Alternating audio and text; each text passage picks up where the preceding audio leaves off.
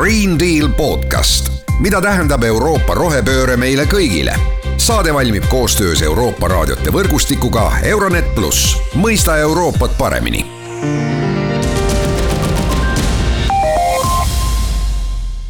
tere, head Green Deal taskuhäälingu kuulajad, mina saatejuht Mart Valner ja tänases saates räägime tuleviku rohelistest töökohtadest, kui niimoodi väga laialt öelda. räägime sellest, mis lahendused toovad meile, toob meile cleantech ja kogu see innovatsioonisektor seal ja kes neid inimesi peaks ette valmistamas ikkagi nendeks töökohtadeks. ja mul on hea meel, et seda teemat on minuga avamas Cleantech Estonia juht Kadi Ristkok, Kadi, tere päevast! Tere, Mart! olles seal sektoris nüüd sees, vaadates kõiki neid äh, rohetehnoloogia startup'e, mis Eestist äh, nagu seeni peale vihma tulevad, äh, siis väga lihtne küsimus, millest nad puudust tunnevad või kellest täpsemalt? ma ütleks niiviisi, et võib-olla kõigepealt alustada sealt, et mis asjad need roheoskused või, või, või roheteadmised on, et, et sinna, sinna alla võib hästi palju asju tegelikult panna aga, aga noh, mida ta tähendab, on äh, kõik see, mis võimaldab meil rohepööret ellu viia, et äh, need oskused ja, ja täna on neid selgelt puudu äh,, hästi suuresti on puudu, sest tegelikult see inimeste väljakoolitamine on alles alanud ähm,. ma vaatasin äh, LinkedIn, kellel on hästi palju äh, andmeid selle kohta, et milliseid äh, töötajaid milliste oskustega otsitakse ja, ja millised oskused inimesed äh, ise on endale märkinud, et neil on, äh, siis nemad ütlevad, et täna on alles üks kaheksast töötajast, kes ütleb ise siis LinkedIni profiilil, et neil on roheoskus. noh, see on maailma keskmine, et, et mul kahjuks Eesti sellist täpset ülevaadet ei ole aga, aga seda nad, nad siis ise analüüsivad, pannes kokku siis töötajate nõudlustega ja mida töötajad nõuavad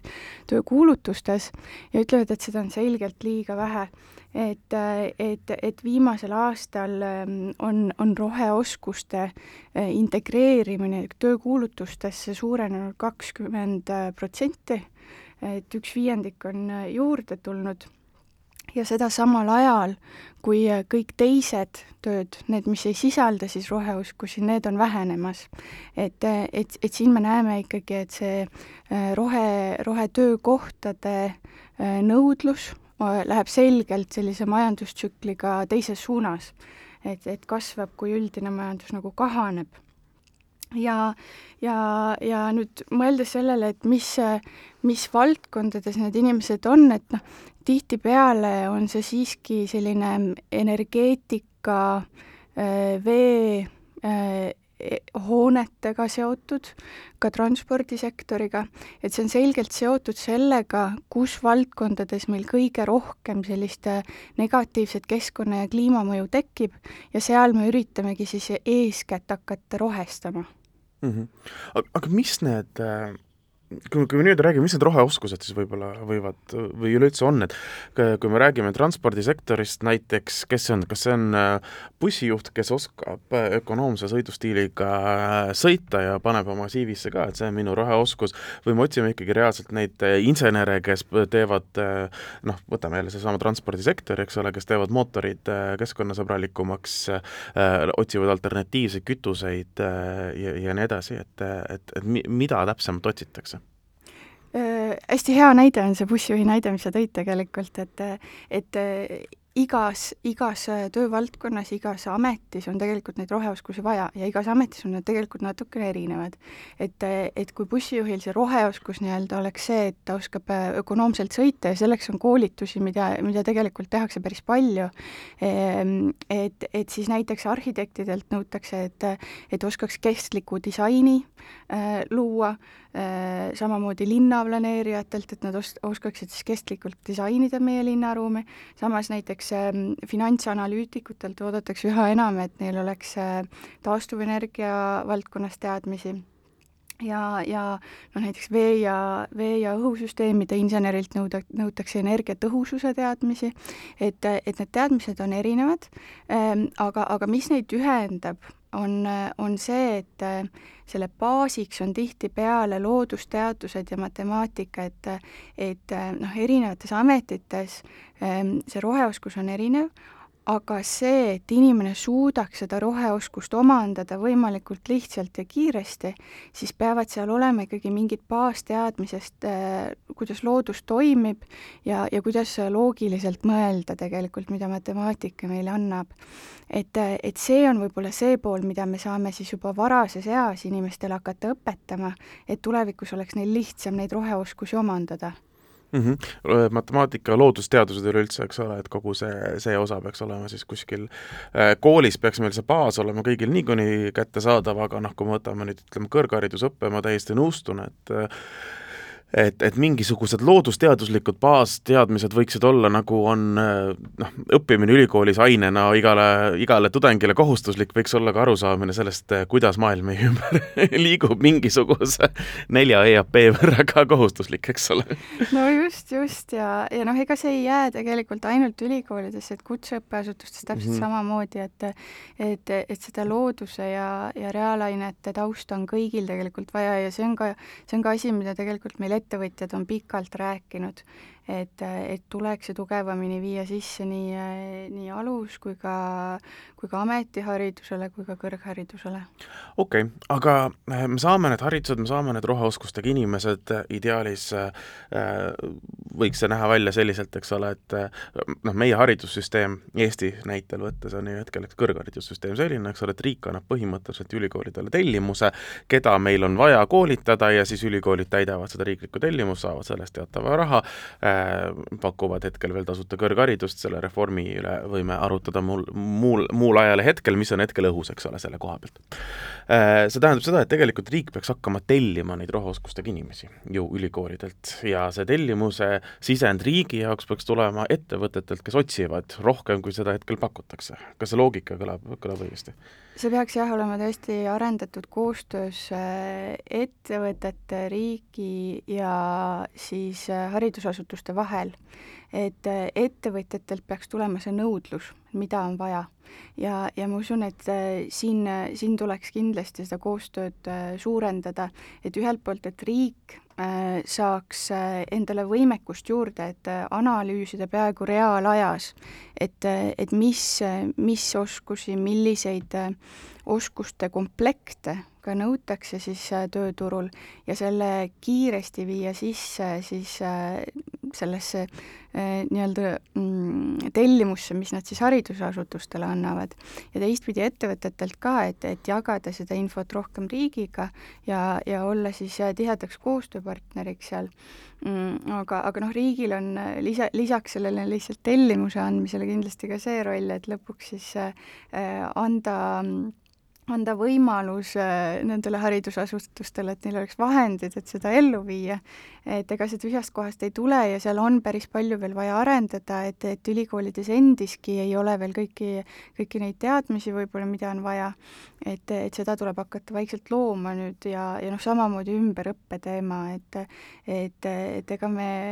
ei, ei saa mööda kuidagi sellest, et, et, et paljud inimesed, kes täna on tööturul, neil ei ole veel roheoskusi, aga neil on väga kiiresti neid vaja, et oma töö tegemist jätkata hästi mm. -hmm no kui me mõnes mõttes tuleme tagasi selle minu, ma ütleksin esimese küsimuse juurde ka siin hästi, et äh, kui me räägimegi vaadates seda sektorit ja, ja vaadates neid uusi firmasid, kes kogu rohevaldkonnas peale tulevad, äh, neid oskusi on vaja igas valdkonnas, neid oskusi on vaja igale ettevõttele,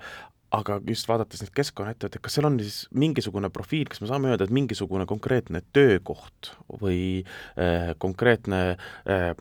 amet või suund on see, mida, mida tulevikus hakkame me nägema palju rohkem, kui me seda, kui me seda praegu näeme? no eks, eks need äh, murekohad äh, värbamisel tulenevad sellest, et äh,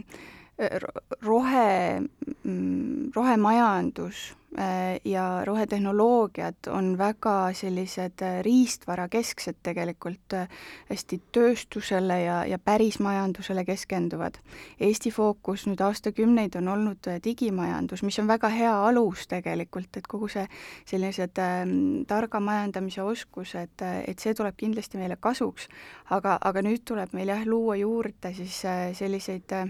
füüsilise tootmise ja, ja reaalmajanduse oskusi. ja, ja tihtipeale, millega ettevõtted on hädas, on, on värvata neid kogemustega insenere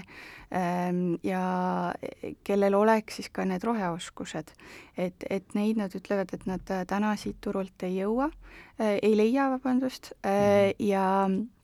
ja on ka konkreetsetes valdkondades, mis on äh, siis äh, rohetehnoloogia sellised fookusvaldkonnad täna, noh tüüpiliselt taastuvenergia, energia salvestamine, nendes valdkondades spetsialiste, et, äh, et, et, et, et seal peaks hakkama väga sihistatult tegelikult ettevõtte nõudluse, ettevõtete nõudluse põhjal koolitama välja neid inimesi, kes, kes tulevikus selles valdkonnas hakkavad tööle, sest et juba täna on hästi palju muresid sellega, et, et kust me, kust me need inimesed võtame, et eks, eks välismaalt saab ka palgata, aga, aga ma usun, et see on võimalus ka Eesti inimestele luua suure väärtusloomega töökohtasid ja, ja oskusi, mida nõutakse terves maailmas täna taastefondid, õiglase ülemineku fondid, äh, nii edasi, suuresti suunatud äh,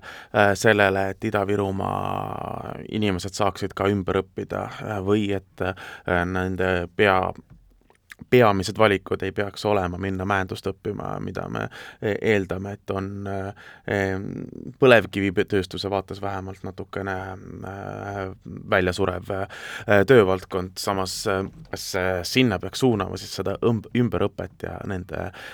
rohelistele suundadele liikumist oluliselt tugevamalt absoluutselt. Ja, ja noh, tegelikult on see, et täna me teeme seda kiirustades äh, viimasel hetkel ja ongi raske inimestel nii kiiresti ümber õppida, ongi raske nii kiiresti uusi majandusharusid luua sinna regiooni, et äh, oleks me alustanud, noh, oleks on äh, paha, paha sõna ja ja ei aita meid kuidagi, aga, aga tegelikult selles valdkonnas see ümberõpe õpe ja uute majandussuundade tekitamine, see võtab kümneid aastaid. ja, ja see, mida me täna üritame nüüd kiiresti teha, oleks võinud palju sujuvamalt ja mugavamalt kõigile minna, oleks me varem alustanud. mida me nüüd sellest peame kaasa võtma homsesse,